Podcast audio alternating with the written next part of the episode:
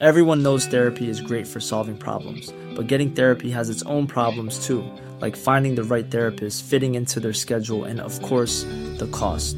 Well, BetterHelp can solve those problems. It's totally online and built around your schedule. It's surprisingly affordable too. Connect with a credentialed therapist by phone, video, or online chat, all from the comfort of your home. Visit betterhelp.com to learn more and save 10% on your first month.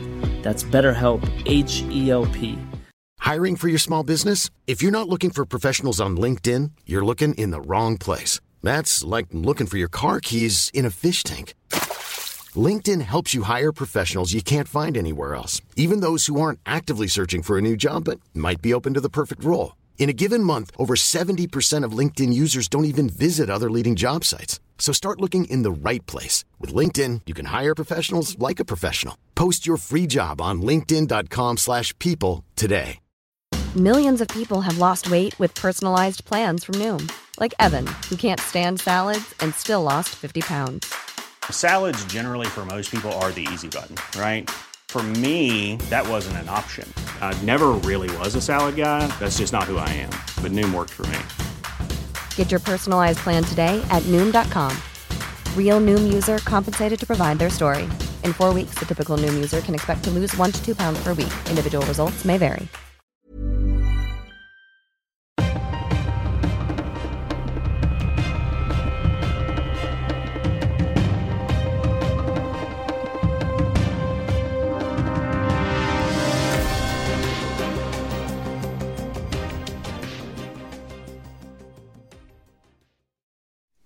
Sådär, då säger vi än en gång hej och mycket varmt välkomna till ett nytt avsnitt av dagens Juridikpodden. William Eriksson heter jag. Vi skriver den 22 februari. Klockan är nio på morgonen och eh, våren, Stefan, har kommit hit till mellersta Europa där jag befinner mig. Hur är läget i Sverige? Ja, den eh, finns i södra delarna av Sverige men inte kanske i Stockholmsregionen där jag sitter. Men jag hörde att det fanns någonting som kallas för meteorologisk vår som enligt SMHI då har anlänt i varje fall till de södra delarna utav, utav Sverige. I Stockholm har vi några plusgrader och jag har noterat att det kommer att bli bara plusgrader under i varje fall den här helgen men in, ingen sol i princip så att vi får leva med den här lite tråkigare väderleken ytterligare några dagar och kanske in i nästa månad, mars. Till råga på allt, de har ju förlängt februari i år med en dag eftersom det är skottår. Va? Så att vi får försöka stå ut med, det, med den saken. Tänk på alla som är födda den 29 februari, vad roligt de ska ha det i år. De fyller ju bara år vart fjärde år så att säga, så de, det är ju ett trevligt år för dem.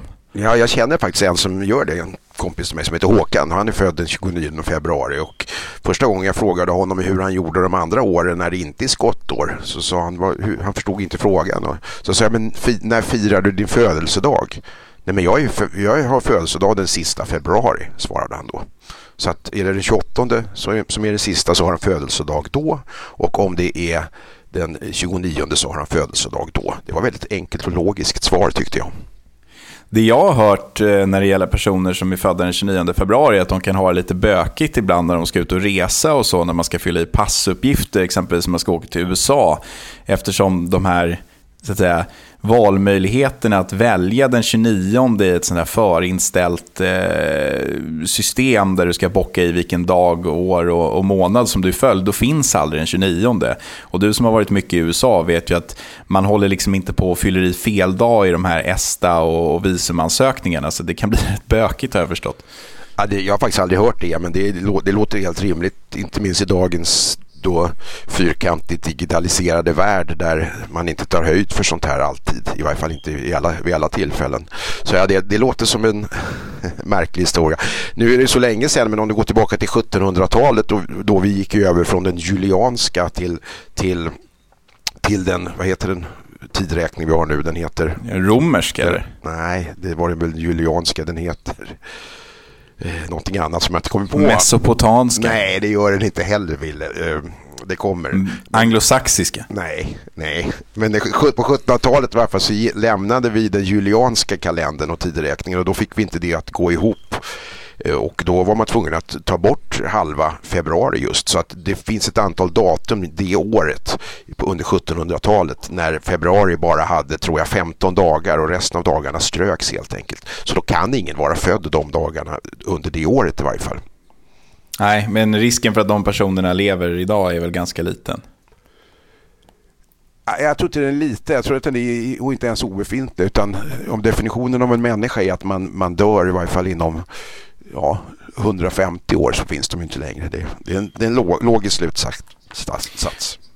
Skönt, då vet vi det i alla fall. Eh, någonting som vi inte vet däremot, vilket kan tyckas lite märkligt, det är ju vem som ska bli Sveriges nya riksåklagare. Vi har ju väntat rätt länge på den nyheten och det kan ju tyckas lite konstigt att en regering som den nuvarande som tycks brinna väldigt mycket för Eh, det här med brottsbekämpning och så vidare inte har lyckats eh, hitta en ny riksåklagare sedan Petra Lund aviserade att hon skulle sluta för att gå över till eh, hovrättspresident vid Svea hovrätt. En eh, tjänst som hon innehade i typ en månad eller två innan hon hoppade på uppdraget att bli ny rikspolischef. Sen dess har ju Katarina Johansson Velin, som då var biträdande riksåklagare under Petra Lunds tid, axlat den här rollen väldigt väl tycker jag, som någon form av tillförordnad riksåklagare. Men vi har fortfarande inte fått något besked i frågan om vem som blir den nya ordinarie riksåklagaren. Är inte det här mycket märkligt, Stefan? Eh, jag tycker det och jag råkade träffa då Katarina Johansson Velin så sent som förra veckan och jag nyfiken som jag är frågade naturligtvis eh, vad hon själv trodde. Hon sa helt ärligt, jag har ingen aning, sa hon. Och eh, så är det nog. Eh, hon har ju bakgrund som så kallad riktig åklagare. Hon har varit åklagare hela sitt liv och är en kompetent sådan. Eh, det har man inte tidigare med ett enda undantag tror jag haft som riksåklagare på den ordinarie riksåklagartjänsten. Jag tror att Torsten Jonsson en gång i tiden var den enda riksåklagaren i, svensk historia som har varit riktig, riktig åklagare med bakgrund. Annars har man ju plockat folk ifrån, ifrån eh, olika andra ämbeten, inte minst domarämbetet. Va? Och eh, det kan finnas skäl till det. Dels för att man, man eh, inte enbart som riksåklagare ska vara en skicklig åklagare, vilket då till exempel Katarina Johansson Welin är omvittnat eh, duktig på, utan också på något sätt företräda den eh, rätts och kriminalpolitiska eh, anda som ska råda i, i riket, inte minst när det gäller vilka ärenden ska, som ska prioriteras och försöka lyftas upp till prövningstillstånd i Högsta domstolen och så vidare. Därutöver ska man ju vara en bra chef som kan organisera och inspirera och, och, och effektivisera eh, myndigheten naturligtvis. Men det finns många andra där som är så att säga delaktiga i, i den typen av sedvanliga eh, arbetsledningsfunktioner. Så att jag tror att man letar efter en riksåklagare som både är en bra straffrättsexpert eh, och eh, samtidigt har någon form av hållning så att man kan så att säga, förstå om man nu ska uttrycka sig så, lite av lagstiftningsprocessen, det vill säga det som mer i den praktiserande juridiken också brukar leda till prejudikat i, i, i bland annat Högsta domstolen. Och jag jag tycker att det vore kul om en sån som Katarina Johansson Velin fick det här uppdraget eftersom hon då har en gedigen åklagarbakgrund. Men andra namn som skulle kunna vara intressanta om de du är intresserade det är ju bara för att nämna någon, det är ju bland annat Stefan Johansson som idag är justitieråd i Högsta domstolen och har en bakgrund just som byråchef i många år hos riksåklagaren med ansvar just för ärenden som skulle föras upp till Högsta domstolen. Dessförinnan har han ju ett, ett, ett, i de här sammanhangen väldigt gediget CV med bakgrund som rättschef och expeditionschef i justitiedepartementet och ja, han har, varit, han har ju varit eh, hovrättsråd och bakgrunden som, som domare i, i många, många år och så vidare. Har du något men, eget namn? Men, nej, men alltså det är ju tydligt att det just nu är rätt stor rullians på några av de, eh, vad ska man säga, tyngre posterna i åtminstone domar-Sverige. Vi har ju en eh, öppen post på Svea hovrätt, presidentposten där som eh, Petra Lund lämnade. Där vet vi att den just nu tillförordnade presidenten Monica Sörbom och justitiekanslern för den delen Marie Heidenborg, de två som har sökt den tjänsten och så att säga tagit sig förbi det första steget och nu ska intervjuas där för en eventuell eh, tilldelning av den här tjänsten. Vi har en öppen plats på Stockholms tingsrätt på lagmansposten där, där Gudrun Antemar, om jag inte har missförstått det, ska lämna där. Där har vi också en del, hel del kvalificerade sökande. Och sen så har vi ju eh, rullians även på lagmansposten vid Malmö tingsrätt, där eh, Johan Kvart, om jag inte har missförstått det, ska lämna. Och där Johan Sjö, en tidigare biträdande Säpo-chef, nu troligtvis kommer att ta över den rollen. Så det är ju en hel del av de här tunga domarna som, eh, om de inte redan har skaffat sig ett jobb som, som kommer att finnas tillgängliga. Jag tror att någon av dem skulle kunna vara aktuella för riksåklagarposten. Det skulle de säkert kunna vara. Eh, alltså det, det har man ju tidigare som sagt plockat folk ifrån domarkarriären och gärna med bakgrund i departementen. Men, men det finns en post till här. Om Marie Heidenborg får jobbet som hovrättspresident i Svea så kommer ju rollen som justitiekansler också att bli ledig under förutsättning att, att, så att säga, Marie Heidenborg får presidentskapet och inte Monica Sörbom och eh, då är frågan vem ska man sätta som JK och vilken betydelse har det? Jag vet inte utåt sett eh, när de här personerna ska utses av regeringen då så tror jag att riksåklagarposten kan ha en större betydelse som galjonsfigur än, än vad justitiekanslerposten har. Men det är ju liksom lite finare att vara justitiekansler och statens egen, egen jurist i, i det första ledet så att säga. Och frågan är vem som skulle kunna ta det. Jag tänker även där att det skulle kunna vara intressant med kanske någon ifrån någon av de högsta domstolarna, Cecilia Renfors. Hon var väl justitieombudsman tidigare och sitter nu i, i HD som justitieråd sedan ett antal år tillbaka. Jag kommer inte ihåg när. Men hon ja, är... 19 eller 20 så det inte, hon har inte varit där så många år i och för sig. Eller 21 Nej, eller nej men alltså skulle hon behövas där? Jag tänker ju även på alltså, en sån här som Thomas Boll skulle jag ju gärna se. Också justitieråd primärt eller reguljärt i, i HFD men just nu så tjänstgör han ju i Högsta domstolen som justitieråd. Han är gammal professor i konstitutionell rätt. Ulrik von Essen, det är ett sånt där namn som man inte eh, i, i den här branschen hör så ofta, men han är ju justitieråd i Högsta förvaltningsdomstolen och gammal professor i offentlig rätt vid SU, alltså vid Stockholms universitet. Och eh, han har väl varit med i Högsta förvaltningsdomstolen ganska länge. Jag skulle kunna tänka mig att en sån typ skulle kunna vara en bra justitiekansler också jag vet inte, det, nu är det bara rent, rent spånande på namn i branschen som skulle kunna komma i fråga. Det, men det som är lite intressant här, att nu är vi ju återigen på det här spåret som vi pratade om för några veckor sedan, att de här namnen som cirkulerar, det är liksom en ganska liten grupp jurister där många av dem har haft uppdrag i till exempel domarnämnden eller har haft höga positioner på några av Stockholmsdomstolarna eller Högsta domstolen eller så vidare är det sunt liksom att de här toppjobben bara cirkulerar i en viss ganska liten krets? Vore det inte intressant om det kom någon lite från sidan och fick en tjänst som justitiekansler eller riksåklagare eller president i Svea hovrätt? Jo, och, så, och sånt händer ju faktiskt. Och de gånger som till och med sådana som du och jag som är hyfsat uppdaterade på den här branschen, när vi plötsligt höjer på ögonbrynen och inte känner igen något namn som får en sån här position, då är det ju ofta någon som har haft en framträdande roll inne på något departement som just rätts eller expeditionschef eller så. Som har då... Men då räknas man ju nästan till den här kretsen också. Vore det inte mer intressant om det kom någon från eh, liksom utanför storstäderna som har gjort karriär där som kunde hamna på någon av de här posterna? För jag menar, regeringskansliet eller något departement, det får man ju nästan räkna till den här lilla, väldigt lilla kretsen av liksom Stockholmsjurister ändå.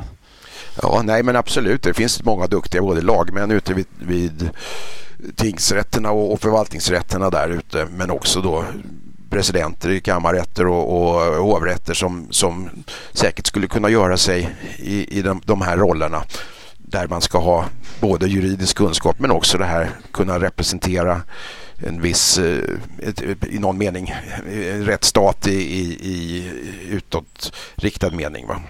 Jag slänger in ett sista namn bara som kandidat eh, för riksåklagare eh, som jag kanske inte tror på, men en person som regeringen tycks ha fattat tycke för. Det är ju Lise Tam.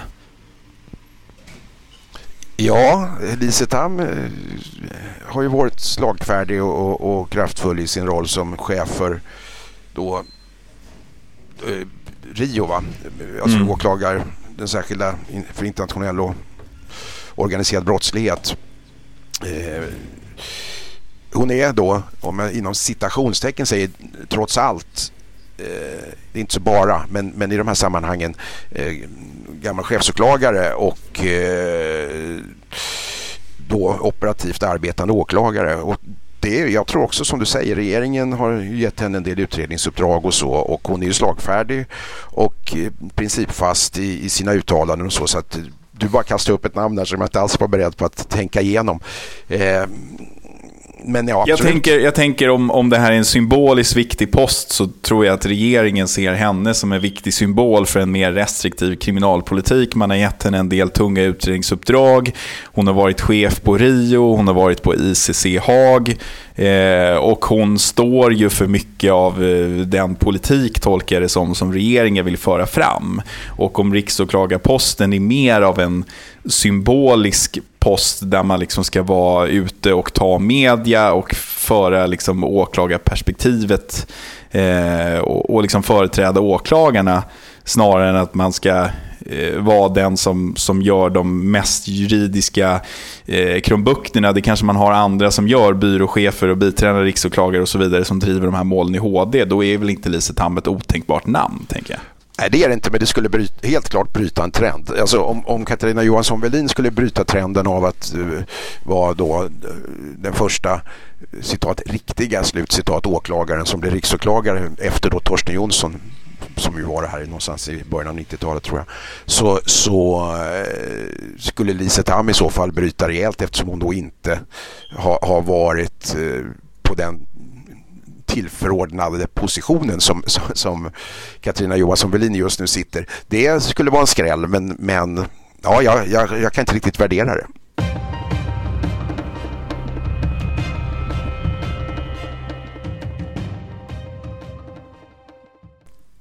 Alright, Stefan, vi släpper domarkarusellen här eh, i eh, den lilla ankdammen som vi kallar för eh, svensk juridisk statsförvaltning eller vad man ska kalla det för någonting och hoppar in på något väldigt eh, branschigt som inte alls har med straffrätt eller statliga myndigheter att göra, nämligen skiljeförfaranden.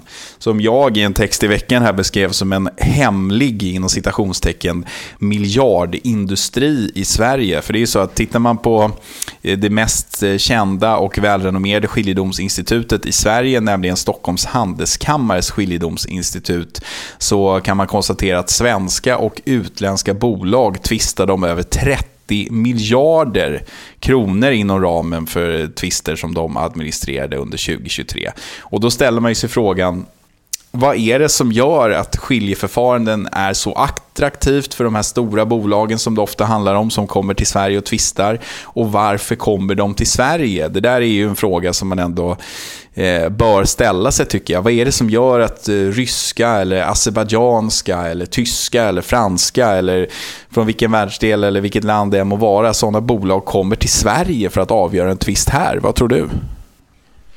Alltså det som brukar framhållas är ju den svenska, att den svenska traditionen av just eh, skiljeförfaranden har lett till en stor erfarenhet i ett land som i övrigt är, är känt för att vara välordnat och, och, och trovärdigt och tillförlitligt och, och dessutom då eh, i en så att säga, världspolitisk mening neutralt sinnat och, och försöker vara lite sådär i största allmänhet eh, objektivt kanske, eller har försökt vara i varje fall inom ramen för världs, världshandel och världspolitik tidigare. Eh, jag, jag, tror att det är det och framförallt för att då, inte minst Stockholms handelskammares institut för detta har, har, har ett gott renommé. Det är ett gott varumärkesbyggande som har skett under många, många år, inte minst internationellt. Det tror jag är svaret. Men tror du, jag tolkar det också som att det är generellt sett kanske lite, lite billigare att avgöra den här typen av tvister i Sverige om man jämför med andra länder. Sen har jag också förstått genom att läsa eh, en rapport från Stockholms handelskammare som man tog fram tillsammans med den här Boston Consulting Group för ett antal år sedan att det så att säga, finns andra fördelar eh, med just Sverige. Det är ganska lätt för de här olika parterna att röra sig mellan den lokalen där man avgör tvisten och hotell och så vidare. I Sverige det är liksom, Stockholm är ganska litet om du jämför med eh, Paris eller London och så vidare. Plus att vi är ganska eller de, Stockholms Handelskammares skiljedomsinstitut är också väldigt aktiva när det kommer att marknadsföra sig som ett skiljedomsinstitut för att avgöra den här typen av eh, tvister. Eh, sen är det väl också så, om jag inte missförstår det hela, att Stockholms Handelskammare menar ju att den här industrin eller det här att det avgör så pass många tvister i Stockholm gör att vi stockholmare också tjänar rätt mycket pengar på det här. Det pratas om miljardvärden för Stockholmsregionen varje år som kommer in till följd av att utländska bolag kommer hit och avgör sina tvister. Ja, ja, det påstås så. Ja, ja, det är säkert eh, någonting i, i, åt det hållet. Men alltså vad de själva påstår och vad deras anlitade konsultbyrå BNC, eh, BCN heter de va? BCG. BCG, du ser förkortningar eh, påstår i de här sammanhangen, det, det, vet jag inte om det ska tas för någon objektiv sanning men det är säkert så att, att det inbringar en en rejäl slant, inte minst i Stockholmsregionen därför att de här människorna måste resa hit och de måste bo och de ska shoppa och, och eh, de måste till viss del anlita då, eh, svensk expertis i vissa av de här frågorna om det ska avgöras utifrån institutet för, alltså skilje, Stockholms handelskammares skilje, skiljedomsinstituts eh, regelverk och, och, kanske till och med i vissa avseenden svensk lag. Det, det kan man ju bestämma själv som part, eller parterna kan ju bestämma vilken lag som ska tillämpas. Va? Men det, det, är, det är intressant. Däremot så kan man ju då ställa sig frågan eh, hur det här förhåller sig när det gäller svenska parter, alltså bo, svenska, svenska bolag företrädesvis som annars skulle processa till domstol. Och jag tycker frågan är principiellt viktig därför att av flera, av, av, av flera skäl eh, skulle jag vilja påstå det. Dels så är den intressant därför att det är i någon mening ett underbetyg till våra domstolar när det gäller då dispositiva tvistemål och kommersiella tvister. Att man då vänder sig till en, en privat konkurrent därför att eh, ett av de argument som ofta lyfts fram i de här sammanhangen är att det blir effektivare och, och eh, bättre till och med de avgöranden som kommer från de här privata då, domstolsliknande historierna. Mm. Så på så sätt så kan man ju tycka att mm, är det där bra? Sen finns en annan aspekt på det också. Vi har en rättsstat i princip och vi har en grundlag som förespråkar att förhandling med domstol ska vara offentligt. Och eh, ett annat starkt skäl till att inte då processa i allmän domstol kring den här typen av tvister är just för att undandra sig offentligheten. Och det kan man ju tycka som, eh, som utomstående då att, att, att eh, det kanske kan vara spännande och intressant att se vad som för sig går i en rättegång men att man då eh, strängt taget inte har med saken att göra om det är två privata aktörer. Men ofta är det så stora bolag så att de kanske är pensions, med i pensionssystemet därför att de är börsnoterade och, och det finns andra andra sådana skäl till att man då även utifrån eh, det allmänna domstolsperspektivet faktiskt ska ha även tvistemålen offentliga i, i svensk domstol. Och jag har ingenting emot skilje, eh, den här typen av eh, skiljenämnder överhuvudtaget. Dessutom så används de ju bara just dispositiva tvistemål, det vill säga i ärenden där, där parterna har rätt att förlikas. Va? Men, och, och jag tycker att det är jättebra att de finns så, men jag kan, jag kan tycka att det är märkligt både att vi har en särskild lag kring det, det vill säga där lagstiftaren sanktionerar en, en parallell eh, konkurrensvärd till de reguljära ordinarie domstolarna och det system som man då förespråkar i, i lag och grundlag. Och sen kan jag då också tycka möjligtvis som är mer intressant ur ett praktiskt perspektiv. Varför behövs det överhuvudtaget stiftas en lag kring detta när lagen uttryckligen eh, då endast tar sikte på just dispositiva tvistemål som annars kan göras upp sinsemellan utan att man går till domstol heller. Ja, svaret på frågan finns någonstans där i bakgrunden eftersom man rent generellt har, har ansett att ett avtal där man avtalar bort rätten att pröva en, en tvist i allmän domstol är ogiltigt det skulle, eftersom det är oskäligt. Va? Det vill säga du kan inte avtala bort rätten att, att eh, stämma någon i domstol. Och då har den här lagen kommit till därför att då är det uttryckligen enligt, enligt lagen eh, alternativ, nämligen att du kan då i förväg bestämma att det här ska göras upp i, i skiljenämnd och då, då eh, jämställs det med ett domstolsförfarande i, i en principiell mening. Va?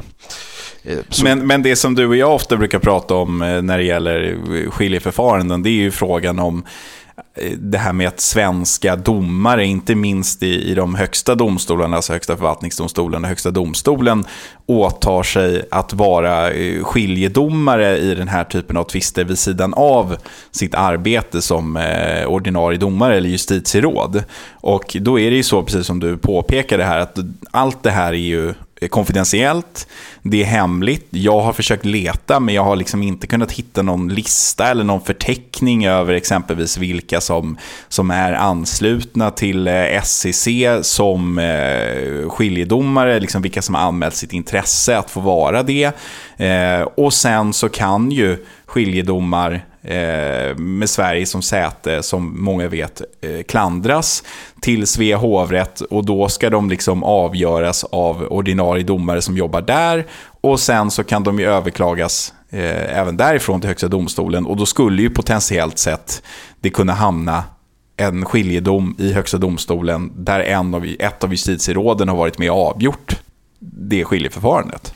Och redan det förhållandet är tillräckligt för att jag ska anse att det här skulle vara uttryckligen förbjudet. Därför att du har en hög lön som justitieråd i Högsta domstolen för att tillvarata den, den, vår högsta instans i, i den allmänna domstolsvärlden eh, intressen utifrån det perspektivet och att då eventuellt göra sig inkapabel till att utföra det uppdraget genom att ha haft konkurrerande sidouppdrag som dessutom är hemliga så man måste jäva ut sig. Det stämmer till viss eftertanke och, och eh, det finns väldigt många andra skäl till att det är djupt olämpligt att justitieråd och andra ordinarie domare har uppdrag som, som, som eh, skiljemän i, i den här konkurrerande då, domstolsliknande världen tycker jag. Och inte bara jag utan det är många som, det här är fråga som, som bekant dyker upp var femte år kanske i, även i allmänna eh, medier och i, i, debatten och så dör den och så är det ingen som riktigt förstår vad det handlar om. Eh, jag, tycker det, jag tycker att det är mycket märkligt att det är tillåtet när inte ens en polis får ha liksom ett sidouppdrag som kan ifrågasätta eh, deras eh, ämbete som polis och ska inte våra högsta domare få springa och ha hemliga konkurrerande uppdrag. Jag frågade ju själv för ett antal år sedan i en intervju med då Högsta domstolens ordförande Anders Eka hur han skulle förhålla sig till en begäran som kom in ifrån en av parterna som processar Högsta domstolen om att justitieråden som skulle avgöra det, eh, det målet eh, skulle kunna tvingas att eh, berätta och avslöja om de då inte hade jävat ut sig själva vilka uppdrag de hade haft som kunde vara konkurrerande eller då påverka förtroendet i ett pågående mål. Och då sa Anders Ek att det skulle han eh, ställa som krav på justitieråden att Högsta domstolens anseende i det avseendet får gå före då en eventuell tystnadsklausul till och med i, i eh, då, eh, den, den skilje, skiljedom som, som hen skulle ha varit med och, och avgjort. Det här har aldrig prövats i svensk rätt. Det här har aldrig väckts på så konkret sätt som fråga. Men, men bara det att du och jag sitter här och diskuterar det och att andra gör det på betydligt mer nära nivå. Jag känner ju justitieråd som, som eh, både offentligt och eh, mellan skål och vägg tycker att det här är ett oskick på ren svenska. Sen är en annan intressant sak med skiljeförfaranden i Sverige är ju att vi har en ganska lång tradition av att avgöra tvister eh, med ryska parter. Och där tolkar det också som att Sverige så att säga, har, eh, och Stockholm har setts som en eh, neutral plats och Sverige har setts som ett neutralt land och därför har eh, ryska bolag Eh, när det gäller exempelvis gaspristvister och oljeplattformar och annat kommit till Sverige och löst sina tvister. Nu har ju Sverige ansökt om medlemskap i NATO. Vi har tagit tydlig ställning för Ukraina efter den ryska invasionen och så vidare. Då kan man ställa sig frågan hur kommer det att påverka eh, exempelvis Stockholms Handelskammares skiljedomsinstitut attraktivitet för ryska parter att komma hit att lösa sina tvister. Sen kan man ju också ställa sig frågan, tycker jag, eh, när det gäller svenska advokater eller svenska jurister som så att säga bistår de här ryska parterna då med rådgivning eller processande i sådana här eh, skiljeförfaranden. Eh, går inte det kanske stick i stäv med de här förbuden mot juridisk rådgivning till, till Ryssland och ryska eh, klienter som finns i och med de här sanktionspaketen från EU? Ja, alltså så vitt jag känner till så är de här sanktionerna då som finns Eh, för att då till exempel eh, tillhandahålla juridiska rådgivningstjänster i de här sammanhangen till, till ryssar och sådär har en mängd undantag eh, som så vitt jag känner till bland annat innebär att du kan liksom inte neka en, en rysk person ett juridiskt ombud i, i till exempel en domstol. Det skulle vara i strid med alla rättslig, rättsstatliga principer. Va? Men det här är inte en domstol på Nej, det sättet det tycker jag. jag. Det är en helt annan sak. Jag tycker absolut inte att man kan säga att ingen rysk person ska få eh, ett målsägande beträde eller en offentlig försvarare. Men det här, är det här är det så extraordinärt viktigt att avgöra en tvist om, om ett avtal så att man så att säga, ska göra undantag från de här ändå rätt stora sanktionspaketen som hela EU har skrivit under på?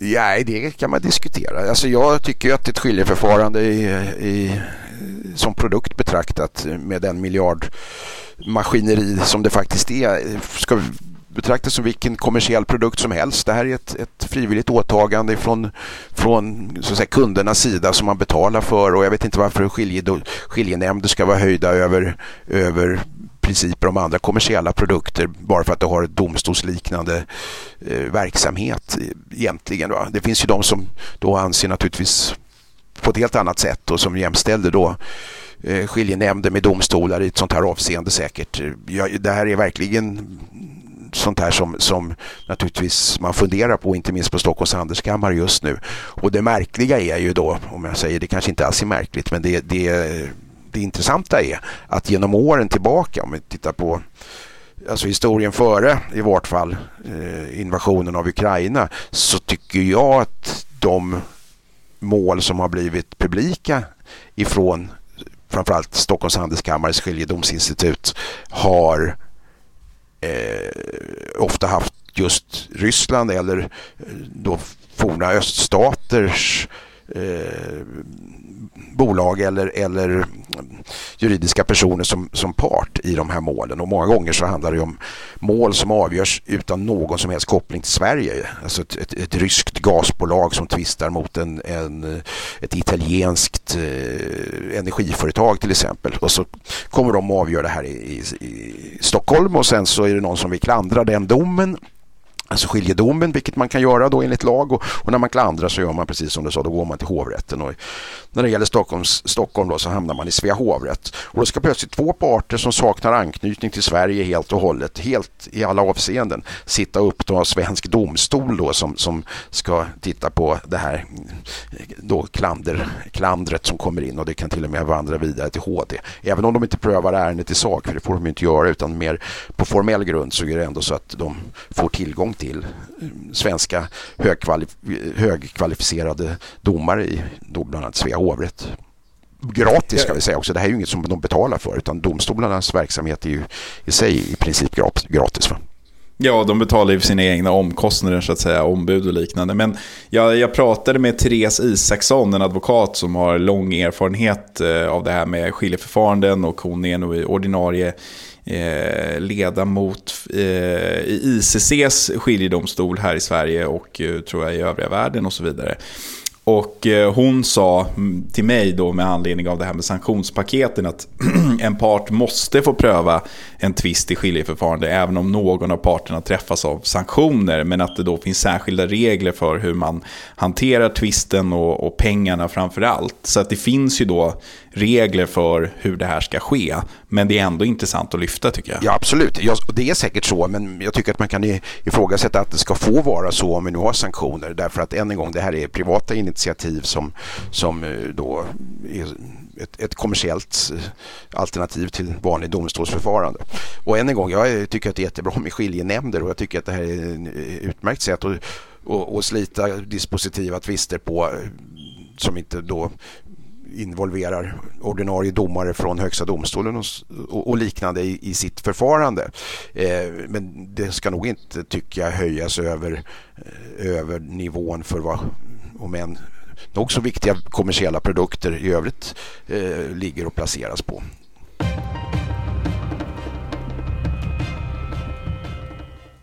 Som en sista grej den här veckan, eh, Stefan, så tänkte jag att vi skulle prata om något så spännande, ovanligt och intressant som det här med frivilligt tillbakaträdande. Vi hade en artikel här på Dagens Juridik i eh, förra veckan där vi skrev om eh, att hovrätten, precis som tingsrätten, friade två män som med hjälp av en metallslip sågat upp ett antal lås på en byggcontainer, men så att säga aldrig slutfört det här inbrotts eller stöldförsöket utan gett upp efter att ha sågat upp en tre av fem lås eller någonting och sen så begett sig därifrån. Det här fångades eh, på övervakningskameror och det blev en process men domstolarna konstaterade att det rörde sig om ett så kallat frivilligt tillbakaträdande. Alltså de avbröt den brottsliga gärningen innan den var fullbordad och då ska de alltså inte dömas för detta. Och det här tycker jag alltid intressant när man ser det i domar, för det är ganska ovanligt. Men det är också intressant när det gäller frågan hur långt kan man gå och fortfarande ha möjligheten till ett frivilligt tillbakaträdande. Här hade man ju kommit ganska långt, det vill säga man hade ju tagit med sig en tung metallslip och sen då sågat av ett antal lås som förstört låsanordningen på den här containern, men man kan ändå inte dömas. Nej, alltså svaret på din fråga är det där tråkiga vanliga svaret. Det får avgöras från fall till fall. Hur långt kan man gå? Alltså, helt klart kan man uttrycka det så här att du kan inte passera eh, slutpunkten för då de här osjälvständiga brottsformerna försök, förberedelse och stämpling. Eh, om du har passerat dem, eh, alla de formerna eh, utav, utav eh, ditt förfarande och så att säga fullbordat kommit in på fullbordan av brottet, ja då kan du inte längre tillbaka träda. Det här har funnits så vitt jag känner till med i svensk lagstiftning historiskt långt tillbaka och i grunden tror jag att det egentligen handlar om mer någonting av typen att människor har, har rätt att ångra sig och det är egentligen det kravet som ställs också. Att, alltså tillbakaträdandet får inte vara framtvingat av vad ska vi kalla för yttre omständigheter som att man känner att jag ångrar mig därför att jag inte vill sitta på kåken eller jag ångrar mig för att jag hör polisbilar som närmar sig utan det ska ju vara närmast någon moralisk insikt om att det här känns inte bra eller det är människor som kommer komma till skada till följd av det här och så vidare. Det, det, det, det, är där man egentligen tar sikte på det här frivilliga tillbakaträdandet. Sen tycker jag att eh, det är naturligtvis intressant om de brott som man då på vägen till till, till exempel en grov stöld eh, helt oaktat det här tillbakaträdandet kan du fullborda brott som till exempel uppsåtligen har begåtts av typen skadegörelse när du till exempel sågar upp ett lås eller bryter upp en, en, en grind eller vad du nu måste göra. Och var de här gränserna går då, i det här fallet så har ju då domstolen ansett att man inte har man är fortfarande på förberedelse till, till eh, stöld. Va? Och eh, då kan man då tillbakaträda. Men de här låsen man har sågat upp till exempel skulle ju kunna åtalas separat som naturligtvis till exempel skadegörelse antar jag. Men visst är det ganska ovanligt det här. Det känns som att det är svårt. Alltså många kanske kommer med den här invändningen, men det är svårt att, så att säga, ro hem den eftersom det funkar inte om man eh, avbryter ett försök för att man hör polissirener i bakgrunden eller för att man misstänker att man är iakttagen av en spanare eller för att man misstänker att eh, eh någon har tipsat polisen om att det här rånet ska ske eller något sånt. Va? Ja, det är så kallade, det var det jag kallade för eh, alltså yttre omständigheter. Det vill säga det, det, skälet att du tillbakaträder är, är att tillvarata dina egna intressen snarare än, än, eh, än någon annans eh, intressen av det slag som jag nämnde tidigare. Att man kommer till insikt om att någon kommer bli lidande eller att det här av moraliska skäl faktiskt är fel därför att jag tar vad som tillhör annan eller vad det nu är man, man egentligen eh, vad det nu är som vi får en att backa. Men att du till exempel hör just polisbilar är inte ett frivilligt tillbakaträdande utan snarare ett på, framtvingat tillbakaträdande av omständigheter. Men, som... men det, det, måste vara ganska svårt att bevisa. Jag menar, låt säga att det faktiskt är en patrull, polispatrull som har ryckt ut då för att försöka stoppa eller förhindra det här inbrottet i en byggcontainer, om vi tar det här som ett exempel. Hur ska man bevisa att jag så att säga, hörde de här sirenerna och att det var det som fick mig att avbryta. Det kanske var så, precis som den här mannen hävdar, att nej, men jag kom på när jag hade sågat upp de här låsen att det här är ingen bra idé, så nu, nu lägger jag ner. Ja, det här är en processuell fråga, bevisfråga i processuell mening. Alltså det är jätteintressant därför att som vilka ansvarsfrihetsgrunder som helst så skulle man ju kunna eh, i vart fall anse att det är rimligt att eh, den tilltalade har någon form av förklaringsbörda kring varför han agerade som han gjorde och, och, och, och så vidare. Och jag menar, om, låt säga att åklagaren har bevisat att, att eh, polisbilar med tjutande sirener befann sig 20 meter ifrån det ställe där, där inbrottet hade påbörjats så får man nog anse att det är, styrkt att eh, om inte tjuven i fråga är döv trots allt har uppfattat detta och att det då ligger nära till hands att tro att det faktiskt är snarare det än, ett, än en eh, bristande samvetsprövning eh, tidigare som har, har, plötsligt slagit till eh, som har avgjort tillbakaträdandet. Så skulle jag i alla fall kunna tänka mig. Men det är klart, det är en bevisfråga ytterst.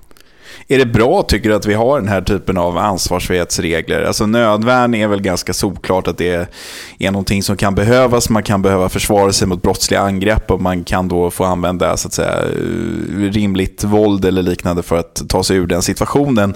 Men är det här någonting som behövs? Behöver man ha möjligheten att tillbakaträda eller borde det vara så att har man uppsåtet som den, de här två personerna upp, uppenbarligen hade, att, att säga, begå ett inbrott eller en stöld, så har man liksom gått för långt redan med att ha det uppsåtet? Att säga. Ja, alltså de här då osjälvständiga brottsformerna, typ förberedelse och, och, och försök och så vidare, de, de finns ju där just för att du ska kunna vara ansvarig även om du inte lyckas begå ett brott. Så är det ju naturligtvis. Eh, och om det då är nödvändigt att människor ska ha möjlighet att under dessa stadier tillbakaträda eh, av samvetsskäl till exempel Nej, det är klart inte nödvändigt. Jag, jag, skulle inte ligga vaken om nätterna och störas i, i min eh, rättshaveristiska själ om vi inte hade den ansvarsfrihetsgrunden. Absolut inte, när du nu ställer frågan på det sättet. Det måste jag nog säga. Men än en gång, jag har för mig att den har funnits med väldigt, väldigt länge och nästan är en sån här naturlag som har förts in i straffrätten om att den som ångrar sig i tid så att säga eh, ska eh, snarare få, få nåd och förlåtelse än bannor. Va? Det är, jag tror att det är någonstans där vi kommer att landa om man tittar tillbaka på det här i rättshistorisk mening. Alright, Stefan. Eh, tiden tickar. Klockan har blivit eh, efter tio. Det börjar bli dags att eh, säga tack och adjö för den här veckan. Har du några spännande planer för helgen? Nej, vi ska på någon middag här och ha lite trevligt i största allmänhet. Men det, livet fortsätter på sin vanliga gång och man som vi började med väntar på att den här våren ska komma så kanske man kan vara lite mer utomhus och ha lite trevligt och sådär. Hoppas jag våra lyssnare också kommer att kunna snart få åtnjuta solen även om man inte bor i de södra delarna av, av Stockholm där då den meteorologiska våren lär ha kommit i dagarna. Ja, själv sitter jag här och tittar ut över en eh, klarblå himmel faktiskt. Eh, 12 grader har det blivit nu, så att eh, kanske kan bli en liten lunchpromenad om det finns tid till det mitt i allt skrivande. Vi får väl se. Vi säger tack och adjö till alla er som har lyssnat den här veckan. Hoppas att ni fortsätter att lyssna även nästa vecka. Vi önskar er en trevlig helg och säger på återhörande.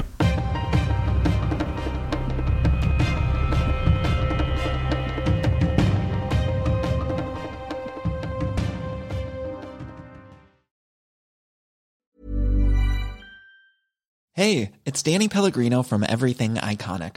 Ready to upgrade your style game without blowing your budget?